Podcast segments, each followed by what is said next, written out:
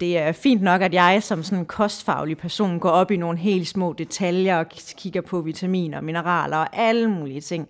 Men den almindelige gængse dansker skal ikke begynde at sidde og kigge på øh, jamen, at dele maden så meget op. Altså, det, det er der ikke nogen grund til. Altså, der er ikke nogen grund til at gøre det sværere for sig selv, end, end det egentlig er.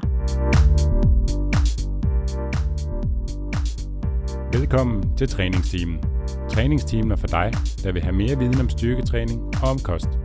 En podcast fri for bro science og quick fixes.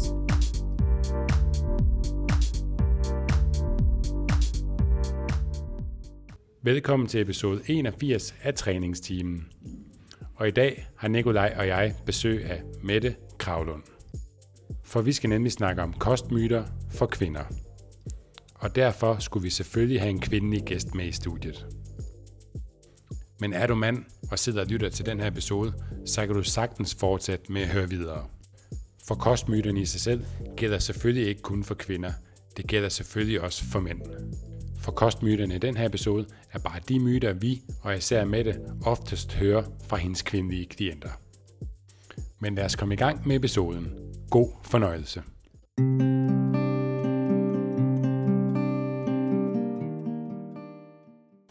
Vi er din værter, Steffen Fisker. Og Nikolaj Bak. Velkommen til Aarhus, Nikolaj. Tak for det, Steffen. Episode 81. Yes. Og øh, første episode efter en halv million lytninger. Og det betyder, at vi har fået en øh, ny gæst med i den her episode. Mm. Hun, øh, hun ville først være med, når vi var en rigtig podcast, sagde hun. Så vi skulle minimum have en halv million. Og før det, så gad hun ikke øh, være med i, øh, i træningsteamen. Ja, Det er jo fair nok. Det er Men øh, nu kan vi endelig byde velkommen til dig, Mette Gravlund. Tak, tak. Det passede ikke helt, det der med en halv million lytninger. Nej, det var en million. Det, det er bare, ja. vi fik forhandlet. Ja. Ja. Kan du ikke, øh, kan du ikke fortælle lidt om, hvem du er med det? Jo, det kan jeg. Jamen, øh, jeg hedder Mette Gravlund og arbejder som personlig træner ved Fisker Performance i Aarhus. Og um, har også nogle kostsamtaler med folk, eller sådan en kostforløb, hvor vi hovedsageligt bare snakker om kosten og alt, hvad der hører sig under der. Øh, ja, jeg har arbejdet ved Fisker Performance i snart tre år, tror jeg faktisk. Så det, ja, og før det, så var du øh, kun ved mig i et par år også. ja, rigtigt. Korrekt. To-tre år, tror jeg, op til diverse body fitness stævner. Har Ja. vundet DM og blevet en træer til EM, Ja, rigtigt. blandt andet. Du har Ja. vundet DM et par gange, har du ikke det? Ah, en gang. Er det kun én gang? Har du Én været med gang. til DM nogle gange? Ja, det har jeg. Ja. Ja. Det er jo sådan, hvis man er, er ny lytter, så skal det lige sige, Steffen han er fisker. Nej, han er stifter af Fisker Performance. Du er også fisker, det, Det er rigtigt. Du. Ja, Og jeg er, jeg er medejer i Fisker Performance. lige præcis. Øhm, Og hvad har du af baggrund med det? Når, øhm, Jamen, øh, jeg har en uddannelse inden for ernæring og sundhed, så det er Mm. også derfor, at jeg ofte har de her kostsamtaler med folk. ja. Ja. Mm. Det var lidt sjovt, lige inden øh, vi begyndte at optage, der, øh, der spurgte jeg også, om, om du egentlig, hvad du egentlig kaldte de der samtaler. Øhm, om det var kostvejledning, men det er det jo ikke helt for, altså, som du sagde, så snakker man også bare om rigtig mange andre ting. Lige præcis. Det, det er meget svært bare at sætte sig ned kun og snakke hardcore om kosten, uden at ikke snakke om jamen, træning, hvordan man bevæger sig i sin hverdag, hvad man laver af um, arbejde, altså arbejde, studie, um, hvordan man sover, hvordan man har det mentalt. Der er mange ting, der ligesom hører ind under. Mm. Og det er jo fordi, at alle de her ting, du nævner, påvirker, hvordan man spiser. Lige præcis. Ja. Lige præcis. Ja, der kan være rigtig mange andre årsager til, øh, til at man spiser en sult og mæthed. Ja, hvis det Ja. bare var så simpelt, så havde det måske været lidt nemmere, men, øh, men sådan er det jo ikke. Mm, der kan være mange ting rundt om, øh, rundt om den palet, så at sige. Og du er også med på, øh, på ACT-kurset. Ja, det var jeg. Mm. Ja. Super spændende også. Ja. Og dagens emne, Nikolaj, det var, det var lidt øh, noget, du fandt på. Kan du lige hurtigt øh, præsentere, hvor den idé kom fra? Øh, jamen, øh, emnet er egentlig øh, myter om kost for, øh, for kvinder. Øhm, som jeg snakkede med, med Mette om, om hun ikke øh, kunne tænke sig at komme ind og, øh, og snakke lidt om det her i podcasten. Øhm, måske både fordi, at der er sådan nogle kostmyter, der hersker lidt særligt blandt, øh, blandt kvinderne. Øhm, så kan vi snakke om, hvordan det egentlig kan være, hvor de stammer fra. Øhm, og så synes jeg bare, det vil være rigtig, rigtig spændende at høre fra dig med det, hvordan de her myter, hvordan du egentlig ser, at de kommer til udtryk i arbejdet med, øh, med, med klienter. Altså hvordan de, øh, ja, hvilke konsekvenser de ligesom, de ligesom har, og hvad det betyder for, hvad, hvad folk de går og kæmper med. Ja. Mm? Ja, og vi har taget fat i fem myter, Mm? og nogle af dem har vi snakket om før, men, øh, men nu får vi et lidt andet perspektiv på det, og, øh, og mange af myterne, de, øh, dem kan vi sagtens gennemgå igen, fordi de florerer stadig derude, så de skal bankes mere ind i hovedet på folk, og forhåbentlig er der også nogle flere lytter, der hører til den her, end sidst vi havde nogle af dem op at vinde. Mm. Ja, det er jo lidt, det er jo lidt sådan det øh, sjove, eller sjove ved jeg ikke om det er. Det er også en lille smule tragisk, men man oplever nok som, øh, som træner eller person, der arbejder med klienter i den ene eller anden form omkring kost, at man kommer til at sige de samme ting rigtig mange gange igen, igen og igen. Hmm. Øhm, og det er bare svært at aflive de her myter, som vi skal, øh, som vi skal snakke om. Så, så meget af det her, der måske som, som fagperson, eller hvad vi nu skal kalde det, kan, kan føles indlysende, fordi man har sagt det så mange gange. Det er altså stadigvæk øh, myter, der florerer på bedste velgående, mm. øhm, og dukker op igen. Altså man kan sige, at den første myte, som vi skal snakke om, det er jo sådan en, der også er kommet af flere omgange i forskellige kurer, øh, tilbage fra Atkins-kuren for eksempel. Mm. Men, øhm, men det kan være, at, øh, at du vil lægge ud med, med den med det. Ja, det vil Ja. jeg. Jamen, den første myte er, at øh, kulhydrater feder og er skyld i livsstilssygdomme. Det er jo... Øh, jamen, I har snakket om den før, det er jo lidt en genganger, og en, jeg stadigvæk møder rigtig meget, og vi snakkede også om det lige inden, det er også en, I møder rigtig meget, når mm. I har med klienter at gøre, at der er mange, der stadigvæk er kulhydrat forskrækket, og at det her pasta og det her brød bare skal have skyld for rigtig mange ting. Øhm, og det korte svar er, at det skal det ikke. Nej, det, det er ikke det, der føder. Det er ikke kulhydraterne, der kommer til at føde. Øhm, det er stadigvæk mængderne og kalorieindtaget, det handler om. Mm. Øhm, kulhydraterne er faktisk vigtige for os. De er vigtige for vores krop. Det er, det er energi. Øh, energi til vores hjerne og energi til, når vi rent faktisk skal være jamen, aktive i det hele taget. Så de er vigtige for os.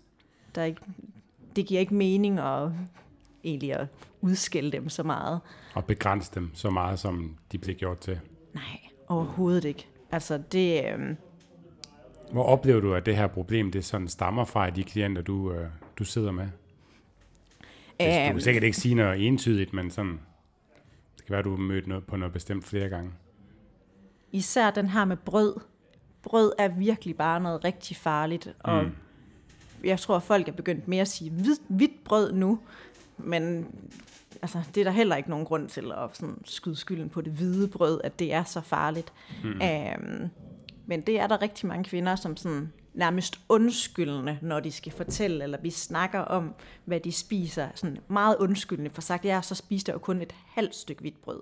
Ja. Der, der var ikke mere til salaten, fordi det var jo en stor salat, jeg fik, og så var der kun et halvt stykke hvidt brød, Ja. hvor ja, den har jeg hørt før. Det er sjovt det der med, at så fik jeg noget kød og nogle grøntsager, og jamen, så fik jeg selvfølgelig også lige et stykke brød til. Som Ja. om, at det lige pludselig gør det hele helt skidt. ja, Ja, det er der ingen grund til overhovedet. Altså, det, nej. det er jo bare lækkert. Så kan man måske putte lidt smør på også. og Sådan. Altså, det Puh, ja. Det er ja, farligt. endnu mere farligt. Ja. Øhm, det er simpelthen, det, man skal ikke være så farligt, eller det, det være så bange for det her brød, og sådan, det, eller pasta, eller ris, for den skal, altså, vi kan blive ved.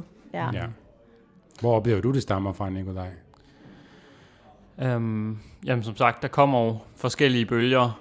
Øh, Atkins-bølgen for eksempel. Nu har vi low carb, high fat bølgen, der, øh, der kører lige nu. Øhm, Og har gjort det længe. ja, og ofte så er det jo baseret på, øhm, man kan sige, paleo har også sådan noget religiøst omkring det med, at det ikke er naturligt, og det er ikke sådan, man levede øh, i starten af menneskeartens oprindelse, eller hvad vi nu skal kalde det. Men typisk så er det bærende argument jo, at kulhydrater de udskiller insulin. Mm. Øh, det er i hvert fald ofte noget af det, der bliver, øh, der bliver refereret til. Altså at når vi indtager kulhydrat, jamen så udskiller kroppen insulin for at fragte øh, sukkerstofferne ud i cellerne. Altså sådan helt, helt kort sagt. Øhm, og det øh, fører så akut til, at kroppen suger energi til sig, øh, inklusiv at der bliver lagret fedt. Øhm, og det, at fedtlagringen akut kommer til at stige, det er der så nogen, der bruger som argument for, at det fører til, at man tager fedt på på sigt. Men det gør man altså ikke, hvis ikke man er et kalorieoverskud. Mm. Så det er fuldstændig irrelevant i forhold til, om vi tager, tager væk på eller ej. Fordi man, altså, hvis vi spiser protein, så det kan også medføre øh, stigning i insulinniveauet. Ja. Men faktisk øh, valleprotein, som jo er det rigtig mange trænende supplerer med, det påvirker faktisk blodsukkeret i nogenlunde, eller insulinsekretionen i nogenlunde samme omfang, som hvidt brød gør for eksempel. Mm. Hvor at de fleste tænker sådan, ah, en proteinshake, det er mega, mega godt, og hvidt brød, åh oh, nej, det er farligt. Um, og det kan godt være, at det, at vi spiser fedt, heller ikke påvirker øh, insulin, men det påvirker vores fedtlagring akut. Så hvis, hvis vi skulle tage udgangspunkt i de her sådan øh, akutte ændringer, så ville vi ikke kunne spise noget. Nej. For sådan at sige det helt kort. Og så er det jo bare generelt uheldigt, at, at det med at demonisere fødevaregrupper på den måde, at det fører til, som du siger, at, at man ikke bare tænker, at det skal man undgå, men man skal faktisk være helt undskyldende omkring, at man har spist det. Lige præcis. Det er øh, i princippet lidt farligt, det her med, at vi skal være undskyldning fordi, overfor, hvad vi spiser. At man, men det er, det er nok også lidt tendensen, at vi går op i nogle små detaljer, når vi snakker om kosten, hvor at, at det er fint nok, at jeg som sådan en kostfaglig person går op i nogle helt små detaljer og kigger på vitaminer, mineraler og alle mulige ting. Men den almindelige gængse dansker skal ikke begynde at sidde og kigge på øh, jamen, at dele maden så meget op. Altså, det, det er der ikke nogen grund til. Altså, der er ikke nogen grund til at gøre det sværere for sig selv, end, end det egentlig er. Er der nogen kunder, du, du, der er nødvendigt for dig at arbejde med så små detaljer, som du nævner med vitaminer og mineraler, som du mødte på for nylig? Nej. Så, mm, så skal det være, fordi vi begynder at snakke omkring folk, hvor at de øh, jamen, altså er vegetar eller sådan noget i den stil. Mm. Øh, at de gerne vil øh, spise mindre kød i deres kost, så går jeg ind og kigger på i forhold til, hvilke grøntsager de spiser, øh, at de rent faktisk får de vitaminer og mineraler, de skal have. Mm. Øh, så der gør jeg. Øh, så kan det være ved sådan atleter, altså at folk, der skal stille op på en konkurrence og sådan, altså, og som er langt nede i kalorier. Som er langt nede i kalorier, at der snakker vi lidt om, hvad det er for nogle fødevarer, de rent faktisk spiser. Og sådan, altså. okay. Men det er nok også det. Ja. Det synes jeg ikke, at almindelige mennesker skal øh, bruge alt deres energi mm. på. Altså, det, bruge det og, på noget sjovt det, det, det er det samme med mig. Altså, det, jeg, jeg har også kun øh, gået i dyb med vitaminer og mineraler i altså i de eksempler, hvor man har atleter, der er rigtig langt nede i kalorier og har været det et stykke tid og kigge på det, men ellers kigger jeg aldrig på det. Så Nej. det er jo, øh, det er jo få, få procent ud af alle de klienter, jeg nogensinde har arbejdet med, hvor det har været nødvendigt. Men hvis man så kigger på, hvor mange mennesker, der prøver at gå op i de her detaljer, mm-hmm. så er det jo en mhm. langt større andel, end det, ja. der faktisk er, er praktisk relevant. Mm. Jeg tænker også i de tilfælde, hvor I begge to kigger på sådan nogle detaljer her, hvis man kunne sige det på den måde. Det er jo også hos folk, der har lagt indsatsen i de store ting, der betyder ja. noget. Altså ja. kalorieindtaget er afstemt, øh, proteinindtaget er tilstrækkeligt, at de spiser nok frugt og grønt ja, og sådan vigtige noget. pointe, fordi de er jo ja. altså, hele bunden af pyramiden, hvis vi altså skal snakke den del, de ja. er jo på plads. Ja. Ja. Den der pyramide er virkelig god at tage udgangspunkt i, at man altså sørger for at spise varieret i løbet af ugen, eller i løbet af ugerne, og altså få lidt af det hele, øhm, og ikke, altså, så skal du nok få alt det, du har brug for. Altså, så mm. har du stort set ikke engang brug for en vitaminpille. Nej. Altså, så, ja. De fleste danskere er jo faktisk øh, dækket rigtig fint ind med, øh, med, med øh, vitaminer og mineraler. Også selvom der er mange danskere, der ikke spiser efter de officielle kostråd. Mm. Mm. Så Ja. hvis man rent faktisk gør det, så er man virkelig godt dækket ind for langt Mhm. de flestes vedkommende. Ja. Ja, helt sikkert. Hvad tænker du er sådan, hvad er, altså, hvad er konsekvensen ved den her myte? Hvordan oplever du, at, at den her kulhydratfrygt, den ligesom påvirker folk? Jamen, princippet af, så gør det jo, at folk stopper med at spise kartofler, brød, og mm, når jeg så har samtale med dem og rent faktisk synes, de skal til at spise de her ting igen, så er det utrolig svært for dem. Og det er sådan, igen det her, så bliver det hele tiden undskyldning, mm. hvor jeg jo egentlig har skrevet på, jamen, vi skal have det her engang, det, din krop har brug for det. Um, Det er vigtigt at understrege, det ikke fordi, du tvinger dem til at spise det, men nej. at de måske også giver udtryk for, at de synes, det smager godt. ja. Ja. ja, folk kan godt lide det. Øh, mm. Og ham, altså den her pastasalat, som de synes er mega fantastisk, men de måske ikke nærmest ikke har spist i flere år, fordi at det må man ikke. Det er der nogen, der har sagt, at det går ikke.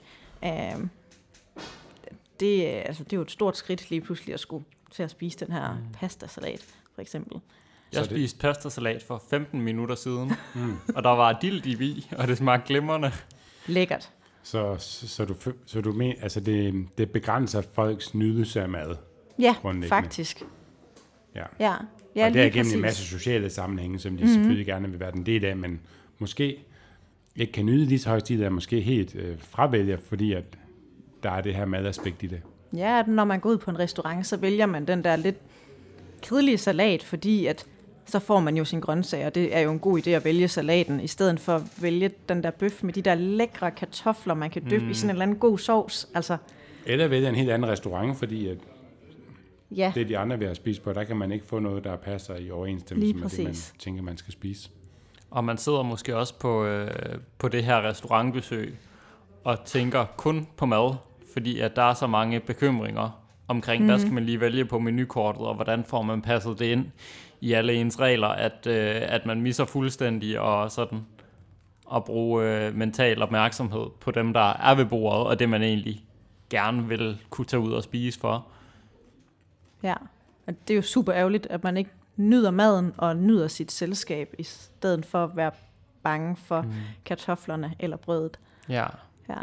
Nu har du mange kvindelige klienter. Er det sådan en, en myte, du ofte ser ved kvinder, eller... Ja, det er det nok. Men mænd kan også godt. Altså, Mm. ja, der er nok hele den her fitnesskultur, der sådan er vokset og boomet rigtig meget med, og hvor der har sat en masse regler op for, hvordan man skal spise med noget kylling og noget broccoli hvor at, og måske noget ris til, men det er også det, fordi risene kan godt gå an, fordi så bliver man stor og stærk af en eller anden grund. Øhm, så der er alligevel, mænd kan også godt. De kan Mm. også godt lave deres regler og sætte nogle Ja. begrænsninger op. Helt sikkert. Jeg tænker måske sådan, at det er sværere at navigere i alt det her med kosten som kvinde, fordi at der er bare så mange, øh, altså der er bare så meget misinformation om kost, der bliver skudt ud direkte til kvinder, altså sådan Ja. i, i dameblade og slankekurer, der markedsføres specifikt til kvinder og sådan. Mm. Og så er der jo også, altså bare på Instagram, hvis man følger diverse bloggere, som lige pludselig er på alle mulige forskellige detox-kurer, mm. low carb-kurer og juice-kurer og alle mulige ting. Og sådan, altså hvis man hele tiden får de her ting spyttet i hovedet, og for at vide, at det er den rigtige måde, og se nu, så kom jeg til at se sådan her ud efter en uge. Ja. Ja. Altså, det, så de kvinder er nok mere lidt disponeret for det, øh, ja. end mænd er. Og det er nok også, fordi de er lidt mere opsørte en gang imellem. Ja. Ja, jeg, jeg tænker helt sikkert, der er noget, i, man bliver lidt mere eksponeret som kvinde. Mm. Så kan man sige, til gengæld, så skal vi kæmpe med sådan nogle øh, reklamer med, øh, med mænd med elektriske mavebælter og sådan noget pis på, Ja. hvor, Ja. øh, hvor Cristiano Ronaldo han står. Er det ikke det, han hedder? Jo, Det er der en, der hedder. det er der, det er der en fodboldspiller, der hedder. Jeg tror, det er den eneste af dem, jeg kender, men han har i hvert fald lavet sådan noget sixpack fis med et elektrisk mavebælte. Nice. Det var, øh, det var et sidespring. Skal vi gå til, øh, til næste? Ja. Ja. Mm? Lad os det. Vil du, vil du tage den med det? Ja, jamen, Myte nummer to. Light-produkter, eller sådan tilsat sødemidler, giver kraft. Nej, det gør de ikke. Øhm, Det er jo egentlig cool. noget, vi har optaget en hel episode om. ja, så Øhm, tilbage til episode 58. Wow. Ja. Var det noget, du havde slået op den her gang? Eller kunne du huske det? Jeg, jeg har lyst til at sige nej, men jeg har slået det op. Okay, Bare for at lyde brainy. ja. Ja, der er fire myter om kunstige sødemidler. Der, kan man, øh, der snakker vi øh, 35 minutter omkring det. Men Mhm. øh, hvis vi lige hurtigt skal summere op på det, hvad, hvad siger vi så der? Vil du... Øh... der er ikke nogen undersøgelser, videnskabelige undersøgelser, der ligesom giver belæg for det, Nej. at det giver kraft og sådan. Det, så der er ingen grund til at være bange for det, eller tænke, at der er gift i min skyer, som jeg engang hørte en sige. Nice. Øh, ja, hvor jeg var sådan, hvad snakker du om? Hvad er det for en skyer, du har fået fat på? Hvad har du puttet ovenpå den? Ja, øhm, men det var simpelthen fordi, der var sødemidler i, så var der blevet puttet gift i skyerne. Ja. Mm. Ja, det Ja. er det ikke. Bare lige for være helt klar. Man kan finde nogle foruroligende øh, fællesskaber på Facebook, bare omkring øh, aspartam, øhm, hvor, hvor der bliver advaret omkring forskellige ja, Mm. skyreprodukter og sådan noget. Ja. Ja. Jeg er også blevet advaret imod en af de grupper, fordi at, øh, jeg siger, at light sodavand ikke er farligt. det, er, det er ikke så godt. Men, øhm, men ja, øh, hvis vi skal tage udgangspunkt i aspartam, som jo er det, der ofte bliver snakket om, så er det jo et af de mest undersøgte tilsætningsstoffer i, i maden overhovedet.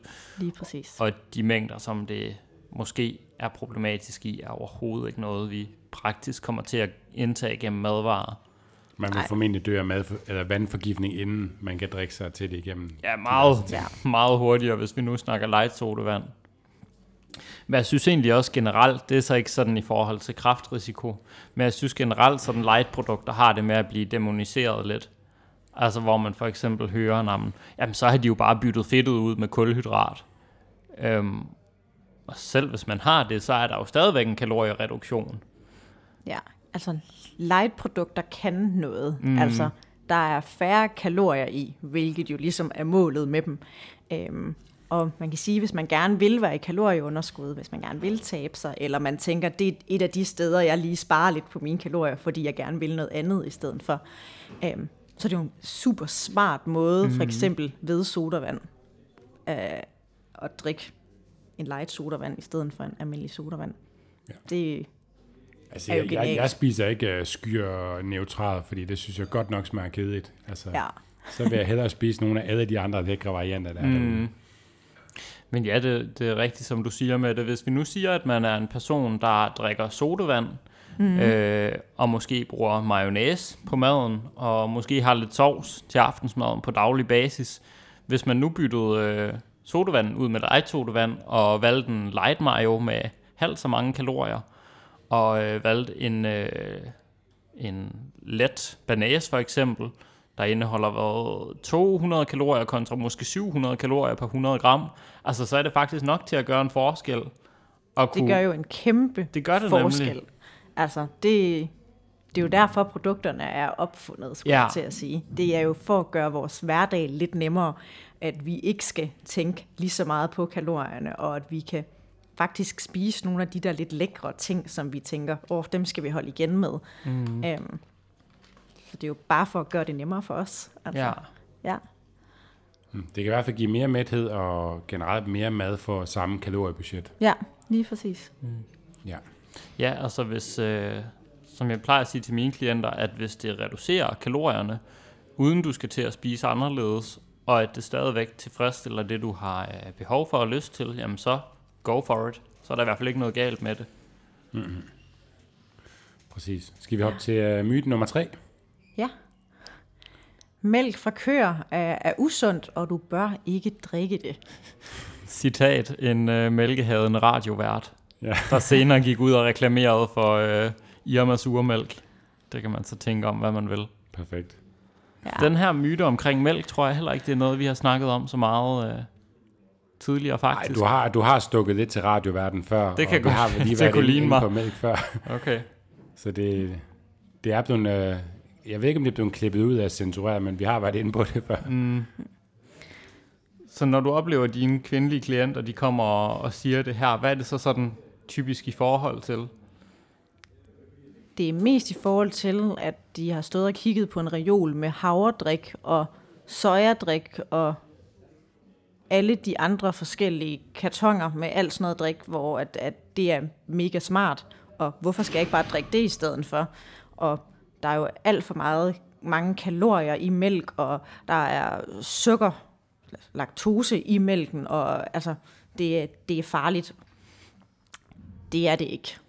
Øhm, mælk er sådan set super godt, og vi kan også sige, altså små børn har brug for mælk. Det er sådan set utrolig vigtigt mm. for vores muskler og vores knogler. Altså, mm. Så det så det sker der ikke noget ved, man drikker. Man kan selvfølgelig godt sige, at voksne mennesker har i princippet ikke behov for det, men hvis man godt kan lide det, så... så når du siger, at man ikke har behov for det, så er det fordi, man kan få, få, få de vitaminer og mineraler igennem andre produkter. Man kan få det igennem andre produkter, og, men når man hælder mælken hen over havregrynene, så er der jo lige pludselig noget mere protein i sin skål med havregryn. Altså, mm. så det er jo kun... Og det smager også bedre end med vand.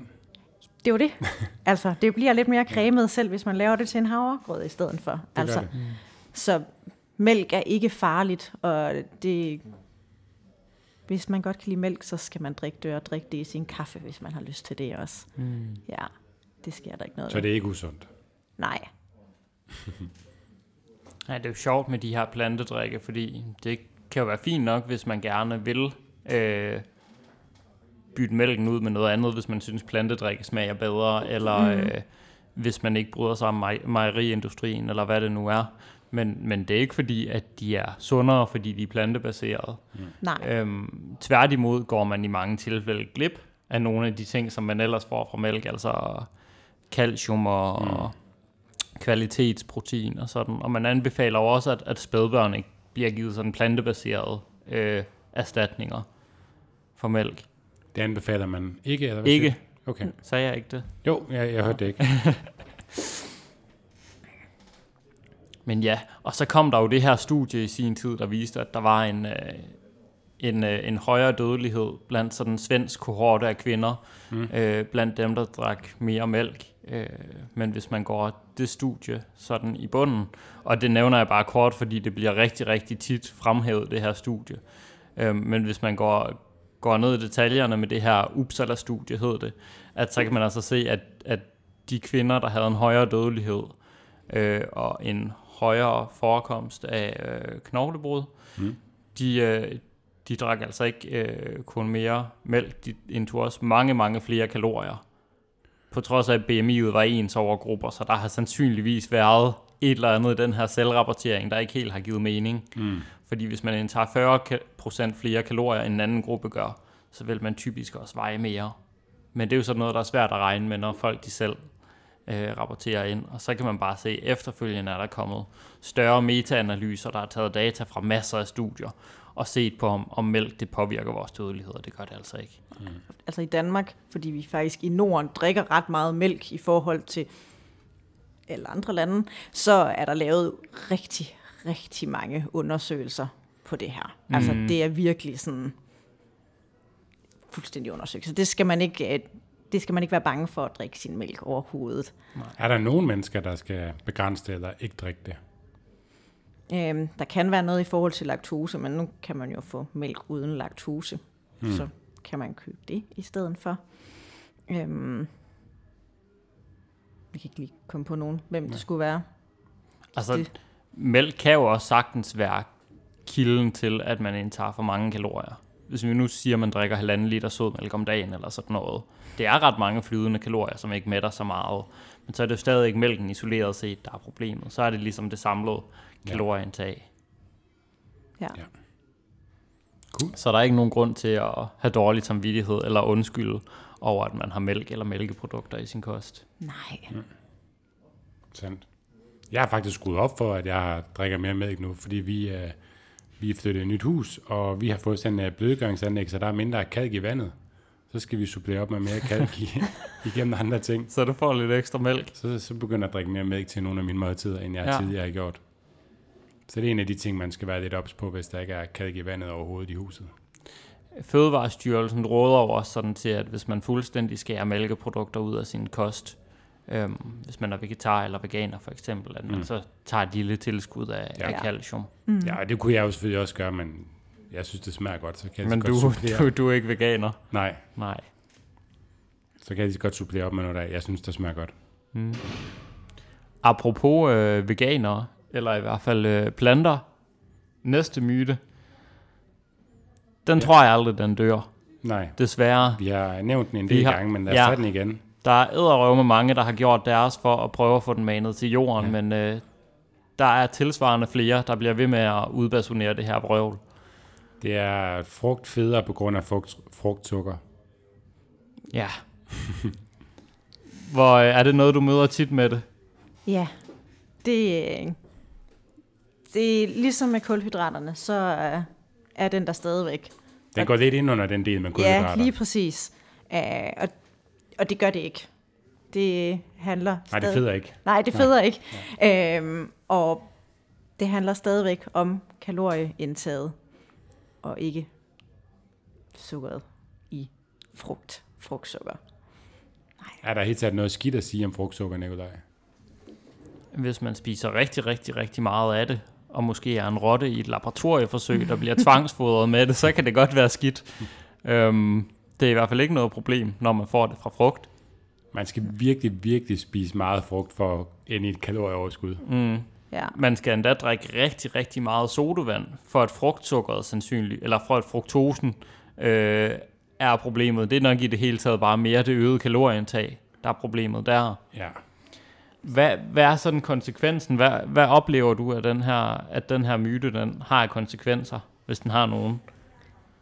Problemet er jo, at folk lige pludselig holder sig væk fra frugt, hvilket jo er fyldt med vitaminer og mineraler, som vi har brug for, og er jo egentlig er en rigtig lækker ting om sommeren og så videre, øhm, som holder sig væk fra noget, som er super godt for deres krop, og de måske også godt kan lide det på grund af frugtsukker. Mm. Og det er der ikke nogen grund til overhovedet. Mm. Det, Ja, fordi frugt er jo rigtig sødt i mange tilfælde, mm-hmm. og det kan være en. Ja. rigtig øh, praktisk erstatning for noget andet, der er ja. Sødt, som der er langt mere kalorieindholdigt. Lige præcis. Altså det er jo faktisk, ofte bruger jeg det jo også ved klienter, hvor hvis de har en tendens til, for eksempel, at man spiser rigtig meget slik hver eneste aften, øhm, så finder vi et eller andet frugt, hvor at, jamen, jeg elsker jordbær i stedet for. Okay, men så kan du spise alle de jordbær, du har lyst til, i stedet mm. for slikken. Hvor folk kan være sådan, jamen det går jo ikke. Sådan, jo jo, du bliver ved, du kan spise alt det jordbær, du nærmest har lyst til. Altså, Ja. så du er ved at drukne dig selv i jordbær. Mm. Og sandsynligheden for, at du når den mængde kalorier, der er i den kæmpe pose blandt selv slik, du har købt, den er ret lille. Og hvis du gør det, well done. Ja. Altså, godt klaret. Ja, det, det tror jeg ikke, man kan. Nej, præcis. Nej, så med den her myte, der tager man egentlig muligheden for at have en rigtig lækker og øh, mættende snack for mm. mange fra dem. Mm. Øhm, jeg oplever også, at det øh, gør det meget nemmere for folk at fejle. Fordi hvis man fortæller folk, at frugt det er usundt, så skal der altså ikke mere til, end at man lige kommer til at snakke en vindrue, før man faktisk har, øh, har trådt ved siden af og har fejlet i forhold til sine diætregler den dag. Øh, og det er sådan noget, der fodrer rigtig meget ind i alt eller intet tænkning, hvor man så tænker, nå, nu kan det være lige meget. Og så fordi man har spist frugt, der ikke var et problem til at starte med overhovedet, at så er det måske, man overspiser samlet set af chips og slik og en hel brænd, brædpande kage, eller hvad du nu er, hvilket isoleret set ikke er et problem, men fordi at det netop fodrer ind i den her alt eller intet tænkning, at så fører det til overspisning. Mm. Det er i hvert fald noget af det, jeg ser. Det ved jeg. Ja. ikke, om du sådan kan Jamen, genkende det er til. helt rigtigt. Det der med, så, altså, det er jo en utrolig god snack at kunne tage, jamen nu nævnte du vindruer, eller melon, eller et eller andet med, i stedet for en eller anden chokoladebar, man mm. måske var vand, havde vendet sig til at spise i stedet for. Mm. Altså, ja. Ja, det kan også være, at man finder ud af, at nogle gange, så vil man faktisk hellere have frugten. Altså fordi den er, hvis det nu er sommer, og det er lidt mere læskende med et stykke vandmelon end en chokoladebar eller sådan et eller andet. Men hvis man har en regel om, at begge to, de er forbudte, Mm. så kan man... Øh, så Altså, kan jeg man, har prøvet at lave sådan nogle praktiske tests af det, sådan, altså både mm. nævnt dem for kunder, men også sådan der, derhjemme i nogle anledninger, altså hvor man både serverer slik og frisk frugt, og det friske frugt bliver altså spist først. Ja. Altid. Altså Ja. faktisk, så um, det der med, at man skærer og tilbereder frugten, og altså faktisk gør det klar i ens køleskab, mm. og bare sådan kan tage det ud, det er virkelig en stor hjælp, og kan faktisk sådan, altså, det er næsten, altså, det er jo lige så nemt at åbne køleskabet og tage en kasse ud med skåret frugt, som det er at åbne en skuffe, eller gå ned i kælderen, eller hvor man nu har gemt det her slik, man nu øh, virkelig ikke må spise. Men hvis nu man starter med at tage det her ud af køleskabet, det her lækre melon, eller hvad det nu end er, mm. altså, så man starter der, i stedet for ved slikposen. Altså, Ja. ja. det er jo en mm. god strategi i hvert fald til lige at udskyde noget, der kunne gå hen mm. og gå galt, eller ja. Det er jo også noget af det nice ved frugt, synes jeg, at det behøves næsten ikke nogen forberedelse. Altså grøntsager, de skal ofte snittes og skrælles og tilberedes. Ja, Øhm, hvor frugt, det skal allerhøjst snittes. Altså, præcis. man kan også bare skrælle en banan og spise den, men jeg ved, oplever jeg også det der med, at et æble, det smager bare 100 gange bedre, hvis man sådan sidder og spiser det med en kniv? Ja. Ja. Eller er det sådan kun mig og gamle mænd i parker? Nej, nej. Nej, nej. Det, Nej. Når det er skåret ud, sådan, ej, det er det bedste. Ja, Jeg ved ikke. jeg kan bedst lide sådan at sidde med æblet, og så sådan sidde og brække små stykker af med kniven, og så spise det. er Det, også kan jeg er også lidt gammelmandagtigt. Ja. Men øh, jeg, Men jeg, jeg har flere kunder, der nævner, hvor de har bedt dem om at teste af, at de til personalemøder eller til børnefødselsdage mm. serverer begge dele, og gang på gang bliver frugten bare spist først, frugt og grøntsager kontra slikken. Mm. ja. Ja, når det hele er ligeværdigt, så Ja. man kan forholde sig Ja. ligeværdigt til det hele Så man skal ikke spørge måde. folk om tilladelse til, hvis det vil de sige, at vi skal gøre det, vi plejer, vi skal bare kære slik på bordet, men når det så er på bordet, det kræver lidt mere forberedelse, lidt mere indkøb, men folk spiser det først, og så har man sparet alle for kalorier. ja. Folk synes, det er super lækkert. Så frugt, heller ikke farligt. Det er faktisk tankevækkende. Man hører så meget om, at øh, frugt er farligt, og kartofler er farlige. Og hvis man tester det af i videnskabelige forsøg, så, øh, så er noget af det allermest mættende, det er kartofler og frugt. ja. I forhold til, hvor mange kalorier det indeholder, så er det noget af det, der mætter allermest. Ja, det er, det er lidt underligt. Lad os hoppe til sidste myte. Mm? Man skal følge en kostplan for at tabe sig. Det kan man gøre, men Det det behøver mulighed. man ikke. Kostplaner er, kan noget, men man kan sige, de har haft nogle begrænsninger, eller der er i hvert fald fordele og ulemper ved dem. Og jeg kan godt nogle gange ved nogle klienter bruge kostplaner, men ofte så er det faktisk nærmest processen op til at lave kostplanen, hvor at, øh, mine klienter sådan skal registrere, hvad de spiser i løbet af en dag. Faktisk får jeg til at gøre det en hel uge, for jeg gerne vil se, hvad de spiser i løbet af en weekend også. Og bare det, at de selv skal registrere, hvad de spiser og drikker, allerede der er der noget læring for dem, fordi de rent faktisk lige pludselig bliver opmærksom på nogle ting, som de ikke har skænket en tanke før. Øhm, så nogle gange er det lige, altså, så behøver vi faktisk ikke lave kostplanen, fordi allerede der har de lært noget, og har fundet ud af, at hvor deres sådan trigger point er, eller hvor lige præcis det går galt ved dem. Og så slipper vi for en kostplan, fordi... Så det er mere det, I snakker om, frem for at Ja. du så schemalægger deres dag for dem. Ja. Øhm, jeg laver også kostplaner. Ingen tvivl om det. Det kan også noget. Mm. Men ofte så piller jeg også kostplanerne fra folk igen. Så jeg kan godt give dem kostplanen, og på et tidspunkt så siger jeg til dem, nu har vi gjort det her i lang tid nok. Hvordan, hvor meget bruger du den rent faktisk selv? Altså, og så begynder vi at, altså, så piller vi den fra dem igen. Så man skal ikke leve på en kostplan resten af sit liv. Det kan man ikke. Sådan, sådan fungerer livet ikke. Altså, mm. Man skal kunne nyde sin mad, mm. ligesom vi også snakkede om tidligere, at man skal nyde maden og nyde det sammen med andre mennesker. Og der er en kostplan bare ikke så god. Ja. Og det, det skal vi huske på, det kommer fra en, du har meget erfaringer med det, med klienter, og på egen krop ikke mindst, og har Ja. stillet op til de her fitnessstævner, og kender alt til det at spise efter en kostplan i overvis. Ja, Yes. ja. Det er bare lige vigtigt at have i mente, mm. når man hører det her, fordi at man kan godt tænke, at det har hun ikke prøvet før, eller det har hun ikke erfaring med, men det har du. Ja, i rigtig mange år. Ja, Nok for mange år, men det lærer man også noget af. Mm. Så, absolut. absolut. Ja. Men det, der er gode og dårlige ting ved brug af en kostplan. Mm. Og det, synes, kan, det- det kan noget i en, i en periode, Ja, lige men præcis. ikke for altid. Helt sikkert, altså det kan give noget rytme, og det kan give noget bevidsthed, og det kan give nogle aha-oplevelser, og alt det er jo noget, man kan bruge, øhm, og man kan arbejde med rytme og bevidsthed gennem kostplanen. Man kan også gøre det på alle mulige andre måder, og det kan man enten starte med, eller gøre det på sigt. Øhm, så det er ikke fordi, det behøver at være sådan en, en udskældt ting, det er bare, et redskab er rigtig mange redskaber til at komme et sted hen. Lige præcis. Præcis. Jeg synes også, man kunne sige det samme om kalorietælling. Altså, mm. så, så ligesom der er nogen, der tænker, at, øh, at man skal være på en kostplan for at tabe sig, så er der også nogen, der tænker, at fordi at vægttab, det handler om et kalorieunderskud, så betyder det, at man skal tælle kalorier. Ja. Og have sin app og registrere det Mm. hele i appen og blive sådan meget slavisk omkring mm. det. Øhm, og igen, så, så tager det bare lidt opmærksomheden fra noget, så, altså fra alt det sjove, skulle mm. jeg sige. Ja. Ja. Så kalorietælling, det kan også give nogle aha-oplevelser. Det kan mm. også være med til at skabe en, en bevidsthed. Men det er bare et redskab, ligesom alt muligt andet. ja. Og det er ikke et redskab, man skal bruge resten af sit liv. Nej. Det, det er virkelig vigtigt. Altså, Hvad, hvad oplever du, der sker, når folk de bruger kostplaner og kalorietælling sådan over lange perioder? Jeg ved ikke, om du har set det fra klienter, eller mm. også, at jo, de har nogle erfaringer øhm, på egen krop. ofte når de så skal, når vi så arbejder med at fjerne kostplanen igen, så har de svært ved det. Så er det det her med, så er der sat en masse regler op, så bare det at gå ud og spise med sine venner og nyde et måltid er utrolig svært, for det passer ikke ind i kostplanen. Der står ikke, og, øh, eller hvis man har, øh, tager et sted hen, hvor der er en sammenkogt ret, jamen hvordan skal jeg veje protein eller kødet i den her ret, fordi det er jo blandet sammen med kartoflerne. Hvad gør jeg så?